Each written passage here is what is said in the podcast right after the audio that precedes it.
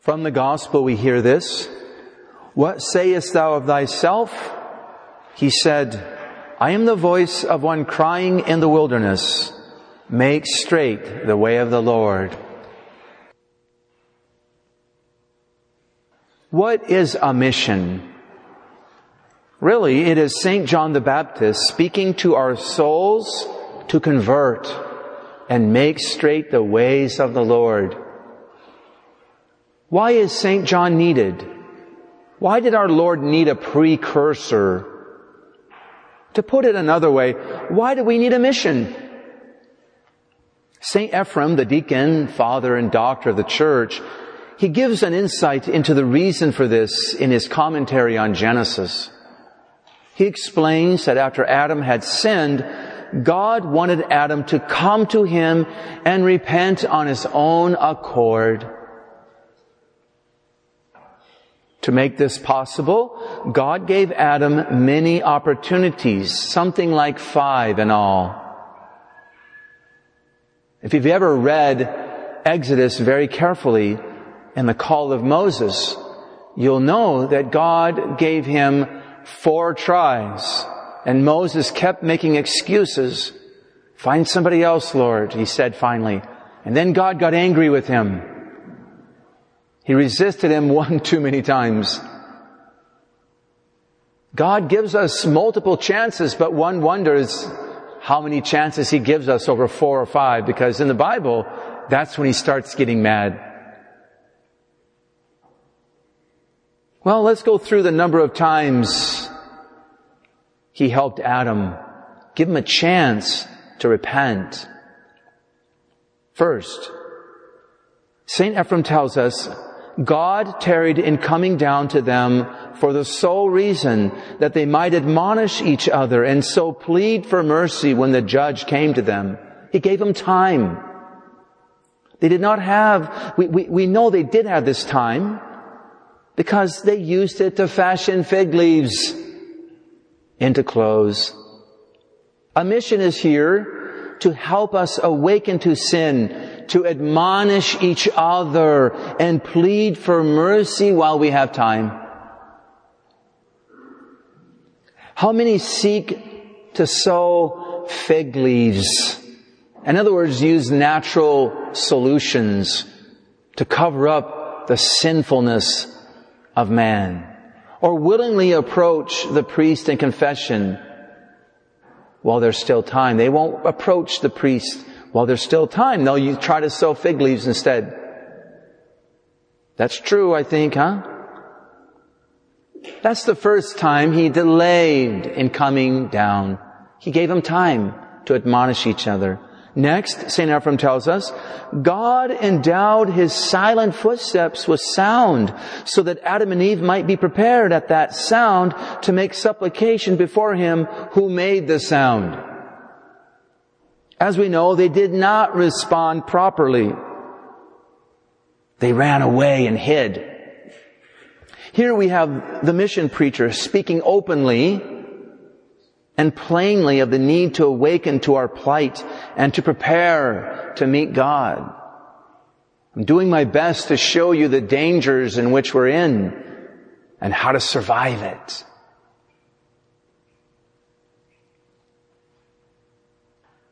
There will be a judgment. There's a real battle going on. I don't want you to be a casualty. I want you to be a victor. Third of all, St. Ephrem goes on, but since they did not come before him in supplication, neither because of his delay, nor because of the sound that was sent before him, God then made a sound with his lips, just as he had made a sound with his footsteps and said, Where are you, Adam? Adam, where are you?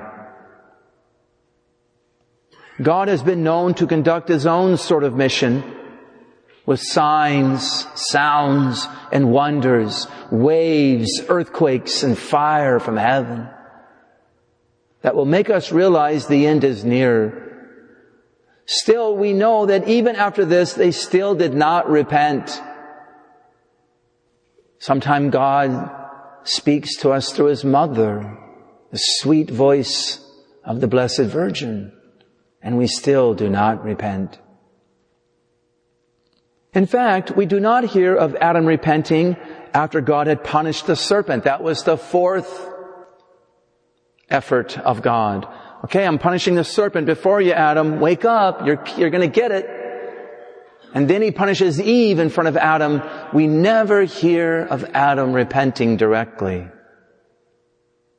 No repentance seems to have come out readily. God had to draw it out of him. Yet to be fair, we know that he did in fact repent because God clothed them in the skins of animals, symbolic of being clothed with Christ after the shedding of his blood. Oh, how important it is to respond to the graces God sends us at the beginning. Much evil can be averted and great victories won. The more we respond, the quicker we respond. From this stubbornness of Adam, we can now see why God put so much time between Adam's sin and his coming to us at Christmas. For the four or five delays of Adam before God, he put a thousand years in place. For each delay of Adam, a thousand years had to pass, it seems. Thus we have the four weeks of Advent. Man needed time to see and know his sinfulness, his dire need for a savior.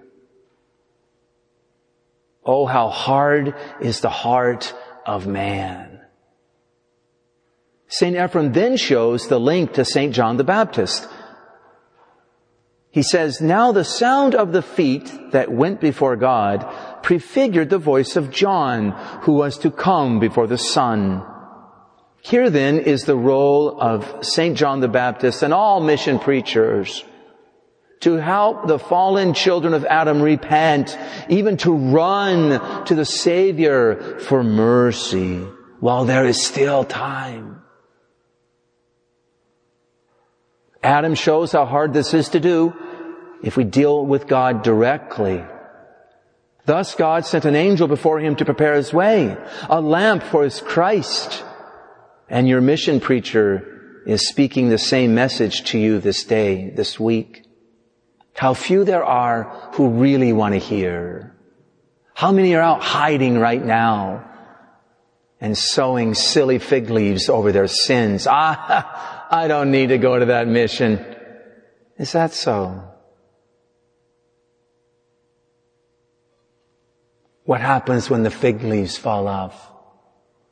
Don't you want to be clothed with the animal skins that come from Christ so that you can withstand the trials that are in front of us?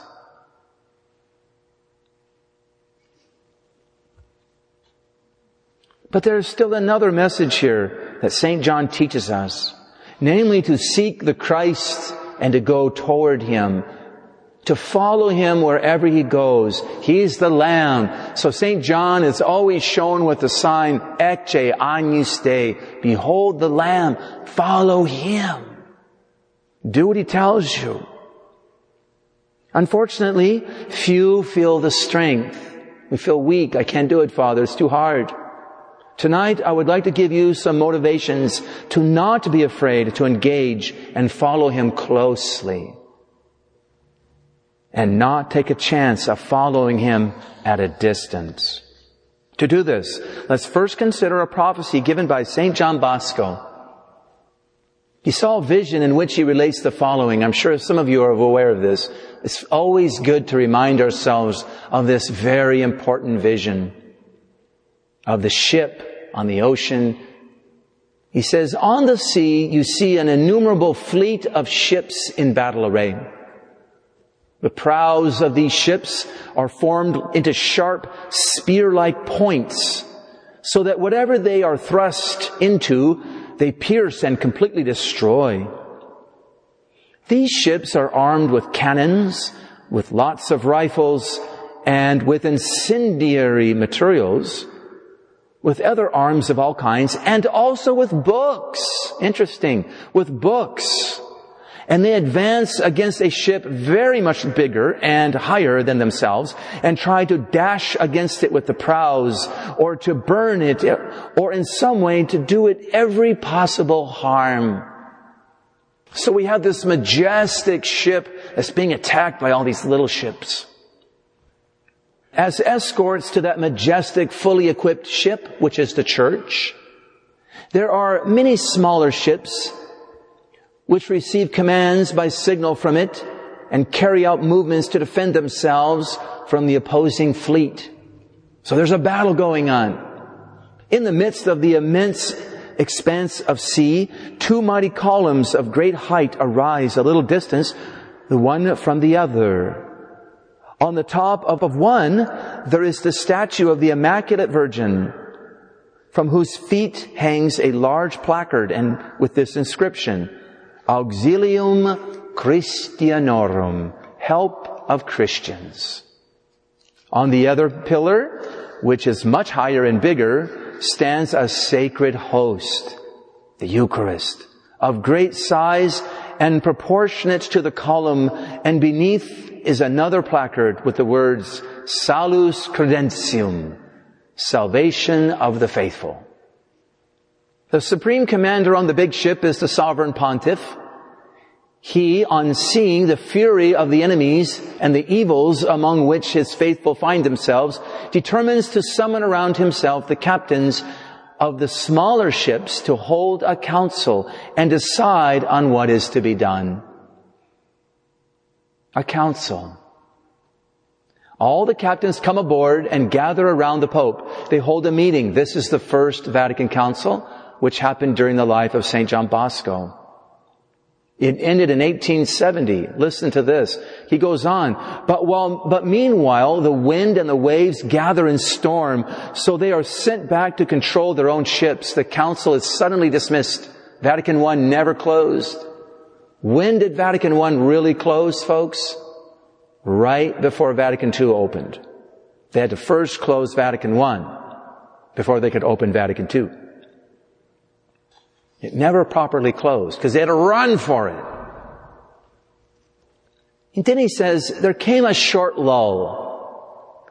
For a second time, the Pope gathers the captains together around him.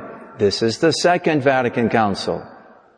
While the flagship goes on its course, but the frightful storm returns after Vatican II.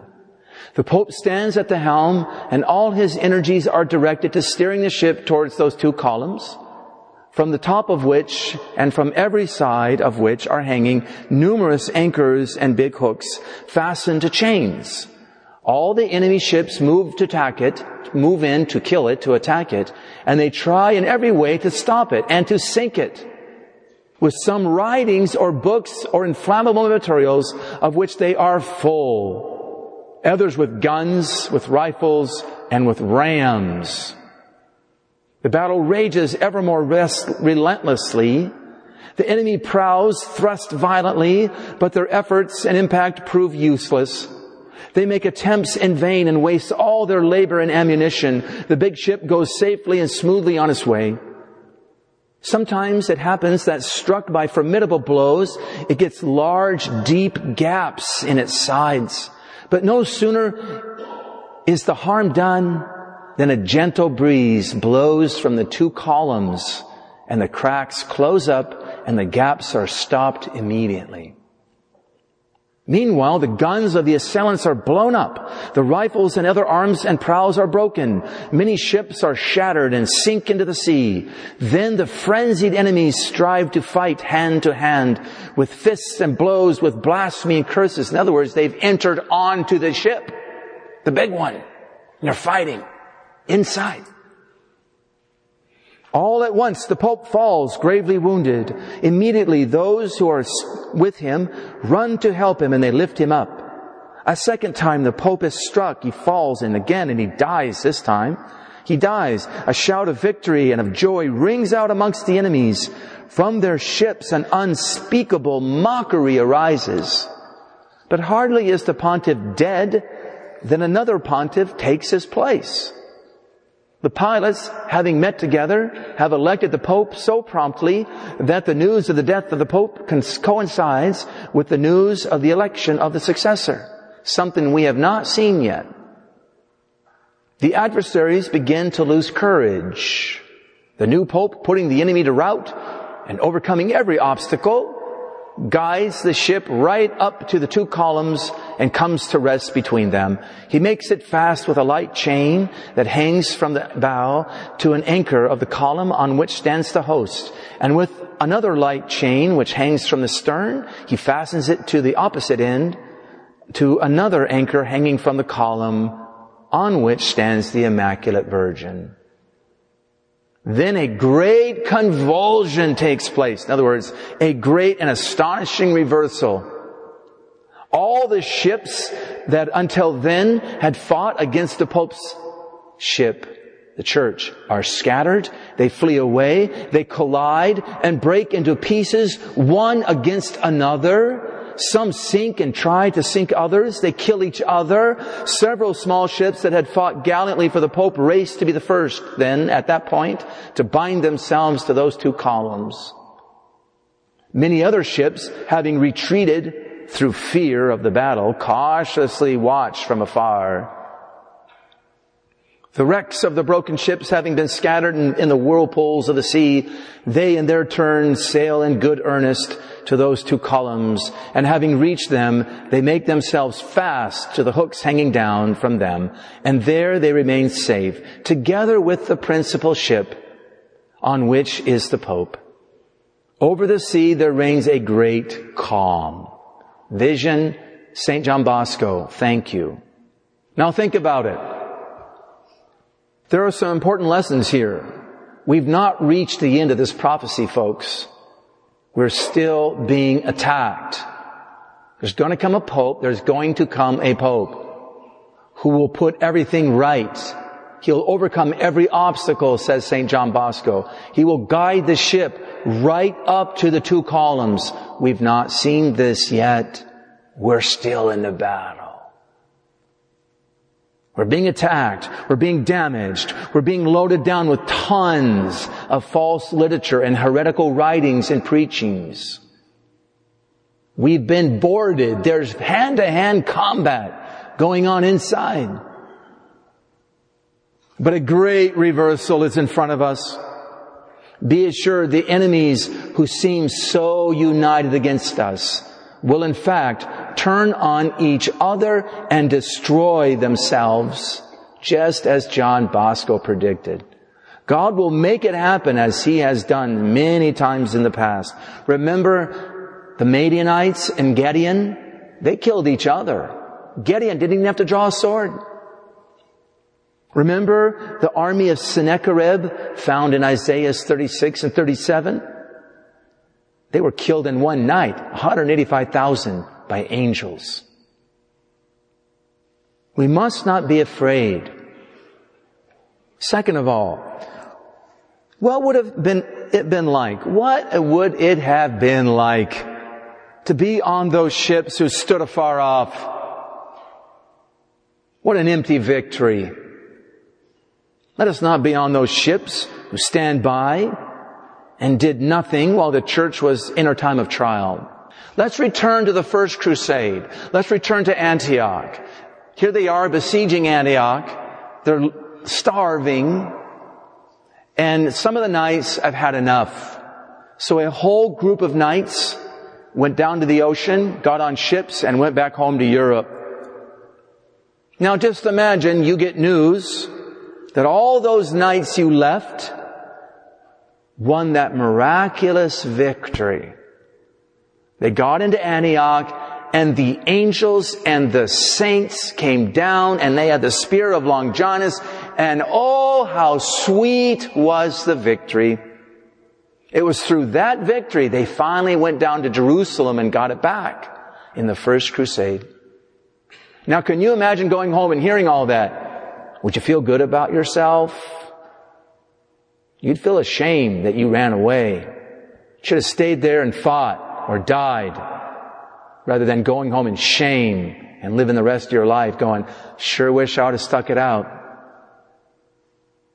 Let's not be like that. Now is the time to stand our ground and fight, as Our Lady at La Salette told her apostles to do during this dark trial. Third of all, it is clear from this prophecy that the reversal will come through the hierarchy. God always works through his hierarchy. I think we've been brainwashed in these last few decades that the hierarchy is failing us, therefore the laity is going to save us. No, that's not quite how it's going to work. God always saves His church through the hierarchy. Period. He saves it through religious, ultimately. Then they work with the hierarchy, and then the hierarchy saves the church. The lay people remain faithful, and so they resist the hierarchy when they're not doing the right thing. That's different. Ultimately, if we're going to pull out of this battle, if we're really going to win, let's face facts, folks. We need a great pope. We need great bishops. We need great priests. That's all there is to it. There will somehow come a great pope who will brush aside all the evil books and ideas and infiltration on the main ship and make it steam ahead to anchor to the pillars of the most blessed sacrament and the blessed Virgin Mary, the destroyer of all heresy. Now I want to give an image that'll maybe help understand this. Bear with me. Let's return to the gospel. Let's go to the Levirate marriage. The Levirate marriage mentioned in the gospel when the Sadducees and others were putting our blessed Lord to the test. Remember the passage? It goes like this. And there came to him the Sadducees who say there is no resurrection. So what are the Sadducees saying? There's no reversals. We're not into that. There's not going to be a reversal, Father. Come on. John Bosco, who's he? No reversals, no resurrection. And so they asked him, saying, Master, Moses wrote unto us that if any man's brother dies and leaves his wife behind him and leave no children, his brother should take his wife and raise up seed to his brother. Now why did God institute this? There's a reason, folks, for the Levirate marriage. Okay? So, older brother, firstborn, marries, he dies, has no children, the next brother is supposed to take the wife and bring forth children for his brother. So the story goes on. Now there were seven brethren, and the first took a wife and died leaving no issue. And the second took her and died, and neither did he leave any issue, no children. And the third in like manner, and the seven all took her in like manner, and did not leave issue, no children. Last of all, the woman also died. In the resurrection, therefore, when they shall rise again, whose wife shall she be of them? For the seven had her to wife. Tricky question. Now commenting on this passage, St. Gregory states thus, he gives us the meaning of this whole Levirate marriage. The deceased brother is he who appearing after the glory of the resurrection said, Go tell my brethren, for Christ it is who died, as it were, without sons, because he had not fulfilled or not filled up the number of the elect. The surviving brother is ordered to take the wife, because it is fitting that the care of Holy Church should be assigned to him. What's the great saint telling us? The bride in the Levirate marriage is the church. Who is the firstborn? It is Christ. He is the bridegroom. He is the firstborn from the dead. Notice there's only one bride and not many. It's only one church. Christ leaves his bride without children he is the firstborn from the dead, the firstborn of all creation. His brethren are then whom? The apostles. And their successors. Bishops as well as priests. They are wed to the bride of Christ. And they are to bring forth children for the bridegroom. So the bishop wears a ring because he's wed to the church, to the diocese.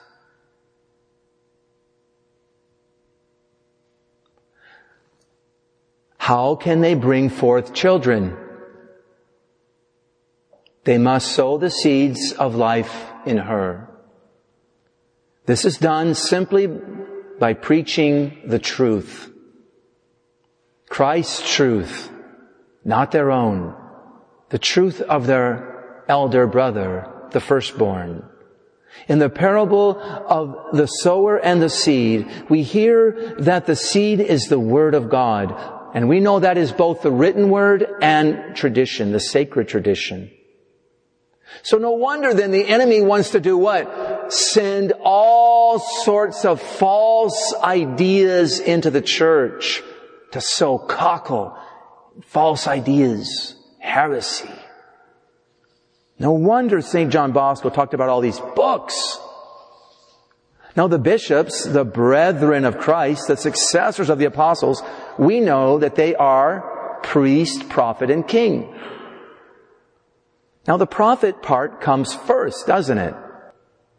St. Paul indicates this, for everyone who calls upon the name of the Lord and all that it means to be Lord, in other words, will be saved. It's not superficial. But how are men to call upon Him in whom they have not believed? And how are they to believe in Him of whom they have never heard? And how are they to hear without a preacher? Unless there is a prophet, They'll never know. They need someone to say the truth. Christ walked with his disciples on the road to Emmaus, opening their minds to the truth over that long distance. Then he acted as priest and offered the mass and broke the bread. And they woke up and they realized he was king. And they ran back to the apostles. Thus, every time a bishop or a priest is in the pulpit, he is in the position of a lover. To sow the seeds of life, the Word of God, through his preaching. I kid you not, a priest takes his life in his hands when he's in the pulpit. I cannot speak me, I need to speak Christ. Very dangerous. This is not a place to fool around with new ideas. The Word of God is living and active, and it can slice. It can kill the preacher too. It is meant to be life-giving, however, so here is the role of the prophet, and even husband to the church. Once again, a bishop wears a ring. This is my bride. I love her. Therefore, I want to give her life. We should always hear the truth from them. So every time he administers the sacraments, he sows life-giving seeds and brings forth new life. He's supposed to. He is now in the position of father. He governs and guides his children on their journey to heaven. Here is his kingly role as well. So God's not going to work with His bride, but through the bridegroom. The children can save father sometimes. It happens. But usually it's the father, God working through that hierarchy that's going to save the whole family. You can tell the trial we're in now, for it is a crisis of fatherhood more than anything else. Let us consider for a moment Onan. Onan from the 38th chapter of Genesis. He's the son of Judah, the tribe from which our Lord came. The older brother died without children. The older brother was her. He was commanded by Judah to bring forth children from his brother's wife. Remember the story? Your brother has not brought forth children from his wife. He died. And her name was Tamar. Tamar, it's interesting, was dwelling in her father's house. He took the role of husband, Onan, and then what did he do? He refused to sow the life-giving seeds entrusted to him, but rather chose to spill them on the ground. He wanted the pleasure concomitant with the position without responsibility of being father. He contracepted, in other words, and withdrew and he was killed. God was showing by his death that that was a mortal sin. Don't do this. That's a mortal sin. I killed this man to show you that. He physically killed him to show him that that was a spiritual mortal sin.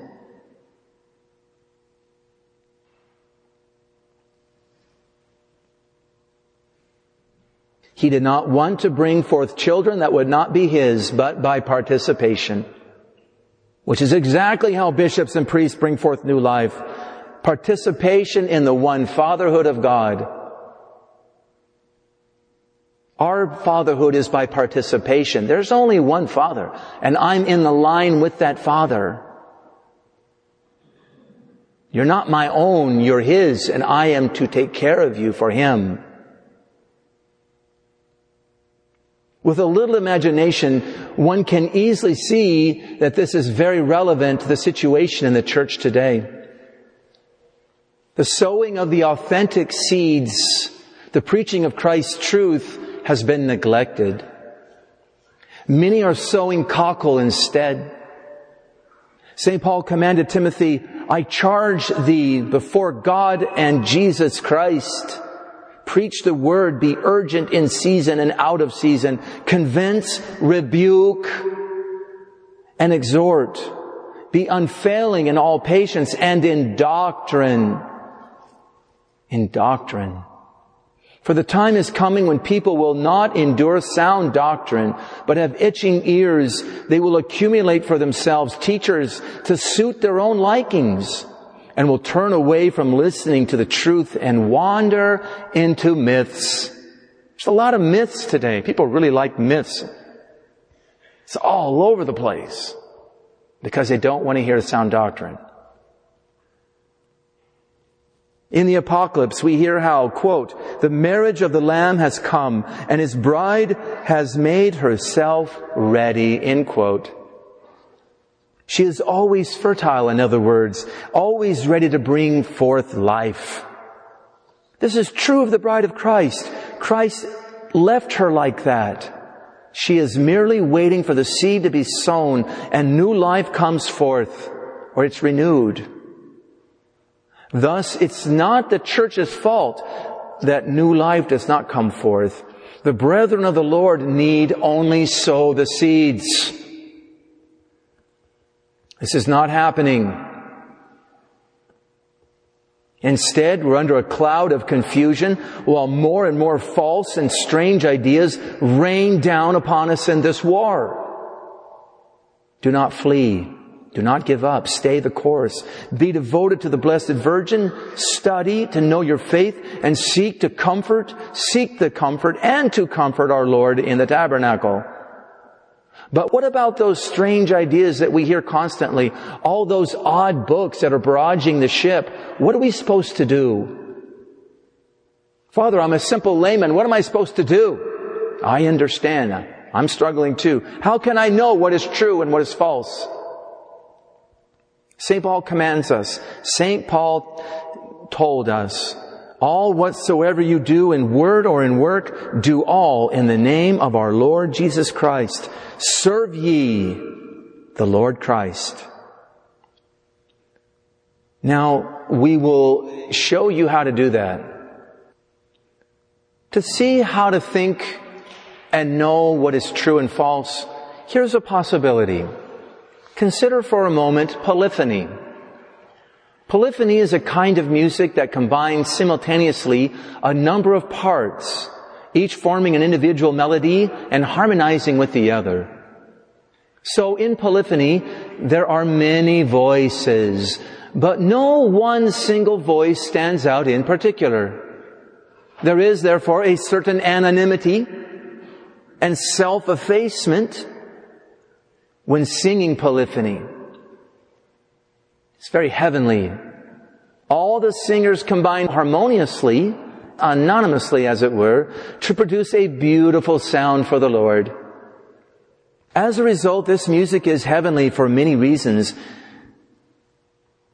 In its most popular form, its origins are traceable to the Catholic Church and her faithful Catholic composers like Palestrina. The majority of his pieces are about God and his mysteries. And the music itself symbolizes heaven in that many voices come together, harmonize wonderfully, and yet no one single voice dominates. Heaven is about seeing God face to face and loving and adoring Him. It's not about us. It's not about a solo, an operatic solo or something. So normally, when polyphonic pieces conclude, they beautifully break into many different voices and harmonize with a resonance that thrills the soul. Last year I was privileged, privileged to listen to a live choir sing Allegri's Miserere on Good Friday. This is the very piece once upon a time only allowed to be sung in the Sistine Chapel. Mozart was there one day and he heard it and he was in tears and he went home and wrote it all down. I heard later from the choir that this piece ends with nine different voices harmonizing. So it breaks into nine different voices and really strikes you. It melted the souls of the listeners. Tears were not wanting. The resonance of these nine voices is analogous to how God works within us in this life. He speaks to us in a variety of voices such that when they all harmonize, they are struck by the resonance, causing our souls to be thrilled at the sound. Perhaps something of this is captured in the Canticle of Canticles where it says, my soul melted when he spoke. What voices are these? What am I speaking of? There are those heard on the outside of the soul, and those on the inside of the soul. The voices heard on the outside are the sacred scriptures. That's a voice. Sacred tradition. That's a voice. And the official teachings of the church. That's a good voice. The sayings of the fathers. The doctors. The saints. As well as the ancient liturgy. What's always been done and said as well as traditional Catholic artwork and icons. So when the popes and councils try to present any teaching as official, they oftentimes spend no little effort showing how the teaching resonates with all these voices. They will recount them one by one. In scripture it says this. In tradition it says this. In the fathers it says this. And they go on and on and on.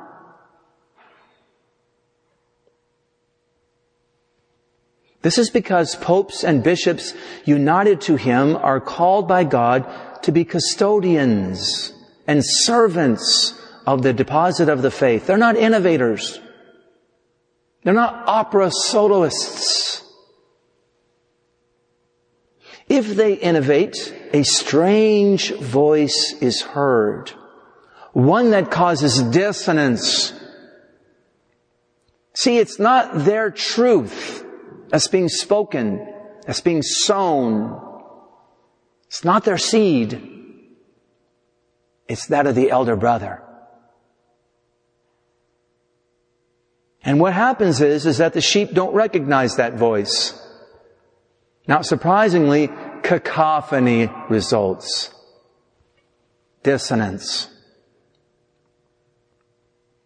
Examples of this are not wanting.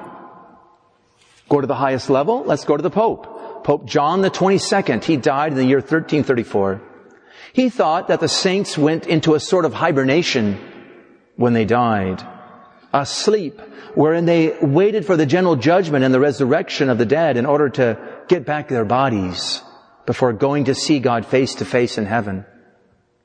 This notion is erroneous for many reasons. Among them, none of these sleeping saints would be able to intercede for us. Whereas we know they do. Because we pray to them and they answer our prayers. and they even appear at times, and they've never appeared as sleeping saints. Pope John the 22nd, the second of the Avignon popes, preached this error from the pulpit numerous times.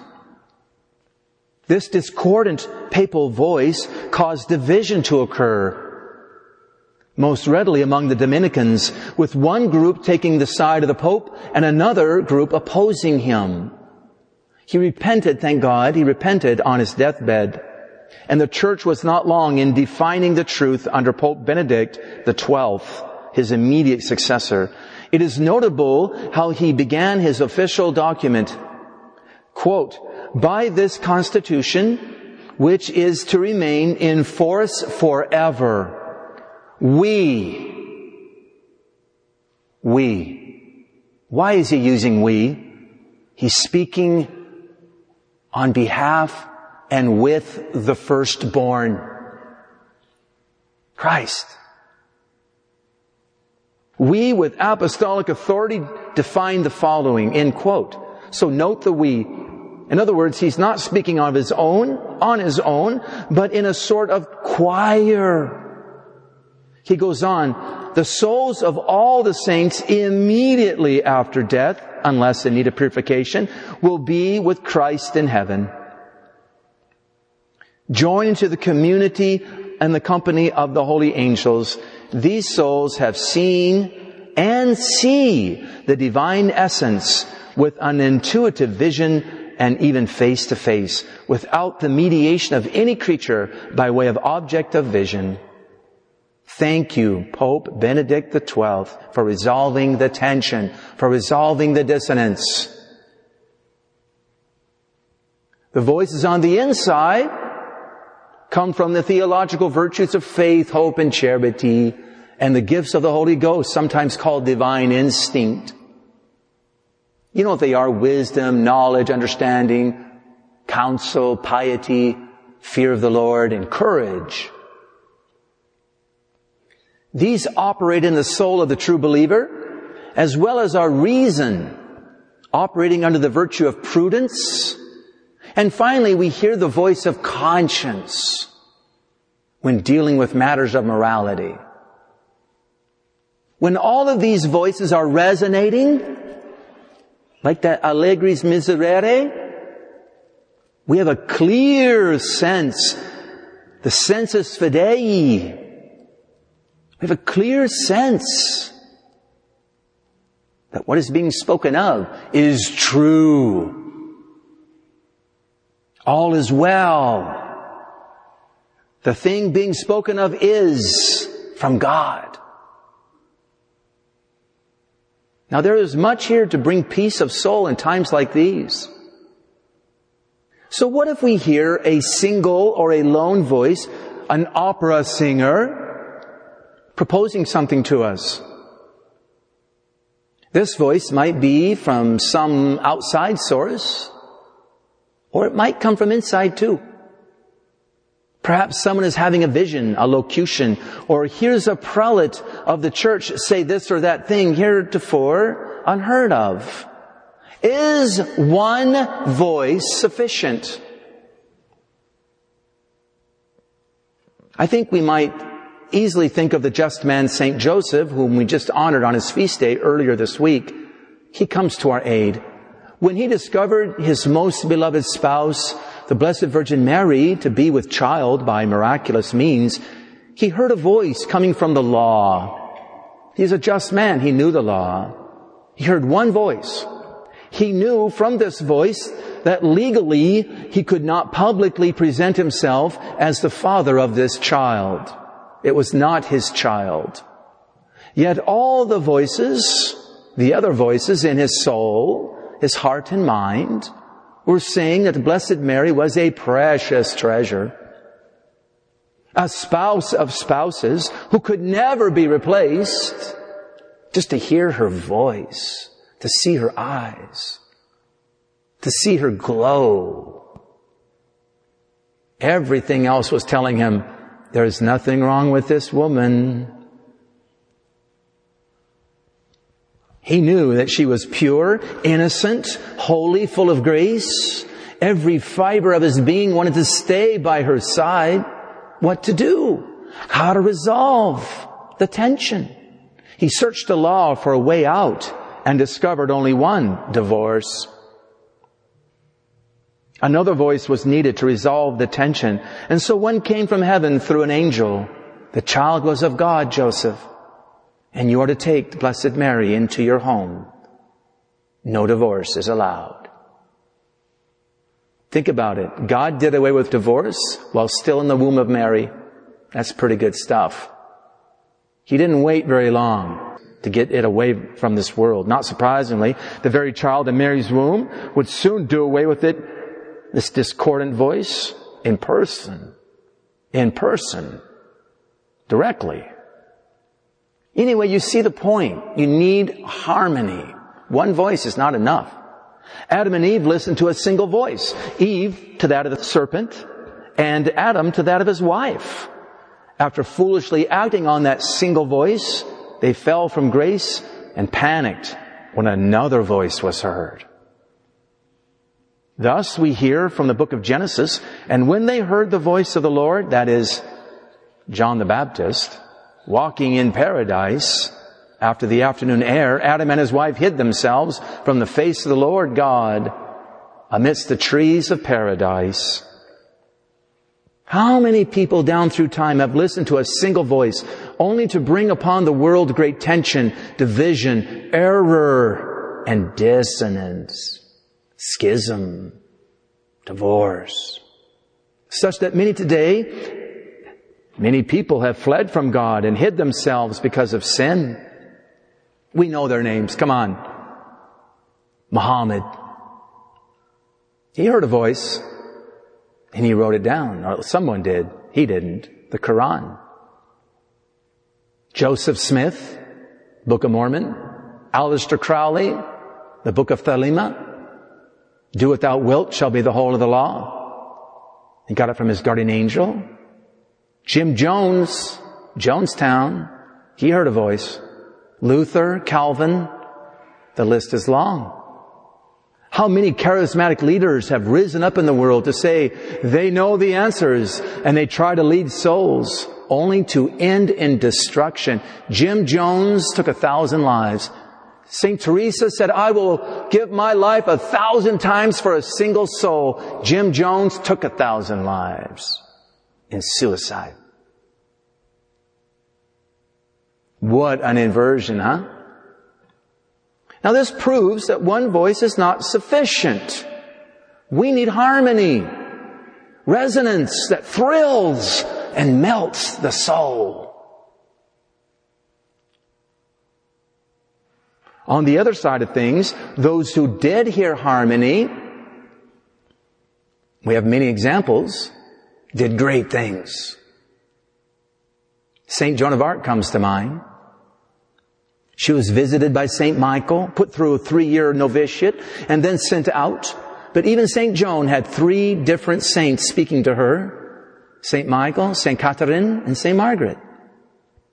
And she herself spoke at times with her priest in confession, that's a voice, and was carefully examined by a group of bishops and priests at Chinon and Poitiers before she was considered authentic as one sent by God. Harmony had been reached.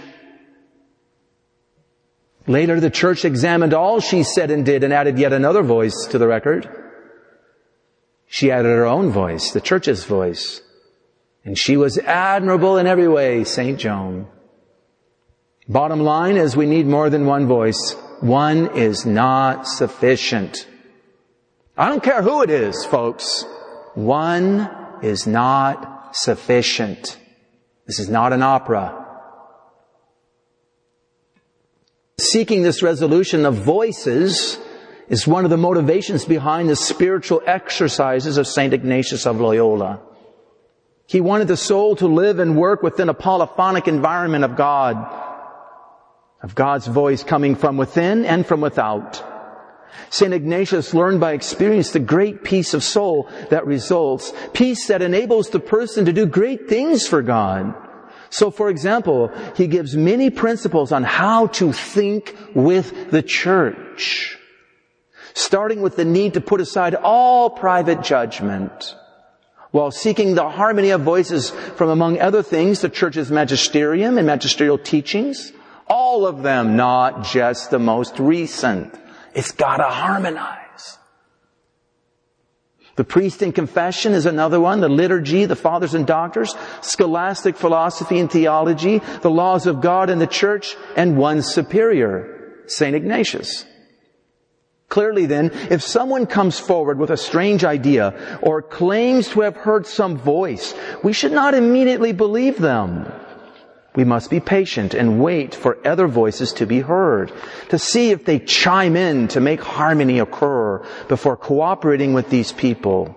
In fact, we should resist, we should resist until resonance is heard. Once again, when the church officially teaches the bishops, the popes, they spend a lot of time going back and harmonizing this teaching with the whole history of of the church, of all her teachings. Scripture, tradition, fathers, doctors, even liturgy or artwork. So here it is. If we hear dissonance, if all we hear is dissonance, of which the faithful had been hearing lots of in these modern times, we certainly must resist. And here I'm not going to be shy. I'm going to tell you, you know it already. We can think of the recent document coming from Rome called Amoris Laetitia, by which, by all accounts, by all accounts, folks, come on, a variety of discordant voices, that this thing contains a variety of discordant voices. I'm not telling you anything you don't know. It's led to multiple divisions and it's led to cardinal against cardinal and bishop against bishop. Think of Saint Bernadette at the grotto. Recall how early on in the visions she heard a cacophony of voices coming from the river Gave behind her, telling her to give up and get out of there. She heard them but did not give them much attention. Instead, she focused on the beautiful lady in the niche. And that heavenly lady sent those voices from hell packing. She resisted until something happened that harmonized the situation. Thus, in hearing the same cacophony today, we must not be discouraged or lose hope, no matter from whence they come. Rather, we need to realize that this too shall pass. Harmony will be restored. The resonance our souls long for will be heard and felt, and our souls will melt at the sound. This has been promised by our Lord. We will receive the promise if we keep our focus on the beautiful lady. And let us not forget, we have been here before multiple times, as I just explained. We've been here in John the 22nd. It was resolved right away. Next Pope. Let us be sure not to add any discord or dissonance of our own to the cacophony Husbands and wives, fathers and mothers need to overcome their differences and not make scenes in front of their families and children. That's something that we can do. Let's not be discordant ourselves. Let's be united in following what we've always done, fulfilling our duties and remaining married, not giving way to divorce. Oh, I can divorce now. I can go to communion. What's the big deal? it's a big deal. One last point I'd like to cover tonight has to do with anonymity and self-effacement given as a sign in a polyphonic music. This is important because some in our times are attacking those who desire to remain more or less anonymous and unknown. St. John the Baptist said he must increase and I must decrease. I'm making a noise for him, not for me. Many of these times are not interested in making a name for themselves, thank God. There's excellent books being printed. The Family Under Attack is one, as well as numerous articles printed, for example, at Rorati Caeli website, which is an anonymous website. Latin Mass Magazine prints anonymous articles. As you know, some sermons are anonymous. Here we can recall Onan. He did not want to bring forth new life for his older brother. How many want to bring out their own version of the gospel, making it something new, and they want to become famous? They want to become a cult of personality or someone to follow. They'll say things like, we're in surprises, we're in for some surprises from the Holy Ghost. Listen to me, I'm going to tell them to you. New things to tickle your ears. In any case, this attack on anonymity is not surprising in a time filled with personality cults and people who promote themselves to make a living in selling books and becoming popular writers and world leaders of note. I'm not talking about just priests and bishops either. Sometimes these converts become like cults of personality, write tons of books on new stuff because they're an authority. Watch out. Watch out for anybody who promotes himself. It's not surprising in a time of, with ad hominem attacks. Happens all the time. People can't argue back. They just attack the man. They don't have any clear and level-headed thinking. Without a man to attack, people today get upset. Our Lord was attacked in this way. Is this not the carpenter's son? They attacked his person. St. Albert the Great says that all these comments were said in contempt. They were ad hominem. The motto of St. Philip Neri was amare nescire, to love to be unknown, which comes from the imitation of Christ. This seems to be turned on his head today with so many loving to be known, charging thousands of dollars to speak in your parish always trying to sell their books. I've been to some of these conferences where you have all these different people, priests and lay people and whatnot, and a lot of them get up and one of the first things they do, here's my book. And you think to yourself, ooh, this isn't good. What is this about? Is this about Christ and His truth, or is it about getting me some more money? In any case, the great Saint Joseph comes to our aid. Let us turn to him for the importance of this lesson because he gives a marvelous example of how to work anonymously. He's the second greatest saint of all time. Listen to Father Faber. Some saints represent to us the communicativeness of God and others his reserve. Saint Joseph is the head and father of these last. Calmness amidst anxiety, considerateness amidst startling mysteries, a quiet heart combined with an excruciating sensitiveness, calm, incurious, unquestioning, unbewildered, reposing upon God. These are the operations of grace which seem to make us so wonder at Saint Joseph's soul. So it seems to be the hallmark of Saint Joseph to disappear from the scene after performing acts of heroic virtue for just as he disappears from the gospel without a word, so has he done time and time again down through the ages. He's not asleep, as John the 22nd thought. He rescued St. Teresa of Jesus on multiple occasions, once even preventing their wagon from going over a cliff. Afterwards, he was nowhere to be found. Only the faith of the great St. Teresa told them who it was. He once rescued Blessed Junipero Serra from dying in a California desert. Only later did the saint realize it was Saint Joseph. Once he was in a car train filled with Mexican Carmelites and other sisters on one side and wicked men on the other. And they said, let's get him. And all of a sudden a man appeared between them and lit a, la- a lamp. What are you gonna do? They fell back in terror. St. Joseph came to their aid. They were protected. We can also recall his work on the miraculous staircase at the Loreto Sisters Chapel in Santa Fe, New Mexico. After making it, he disappeared without a trace and without any pay. He likes to remain hidden and unknown. Why? He knows how much God loves self-effacement. In this, he gives us something to imitate. Once again, there's something very important for our times when the media and others will either make a person out to be a star, a cult of personality, or a villain. A time when popes have all but ceased to use the royal we in their teaching, and all they talk about is themselves. Me, I. What about Christ? When so many in such teaching positions use their own opinions, yikes, rather than harmonizing with the voice of God. Saint Joseph shows us to give no room to this destructive self-love.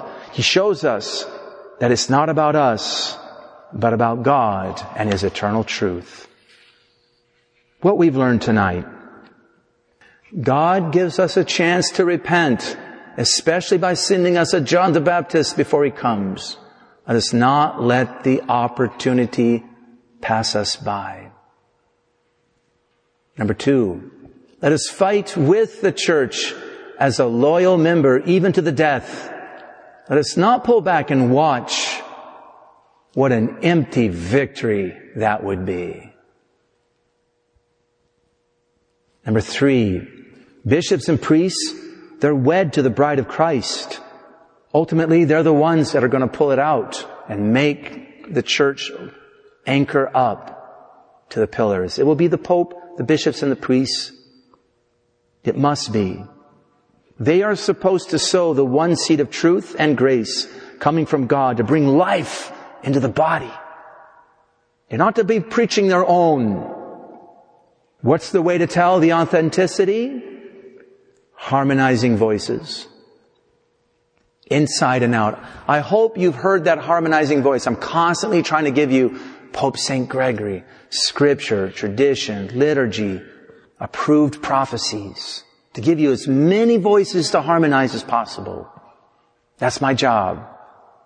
And finally, let us not promote ourselves or anyone else out of due order.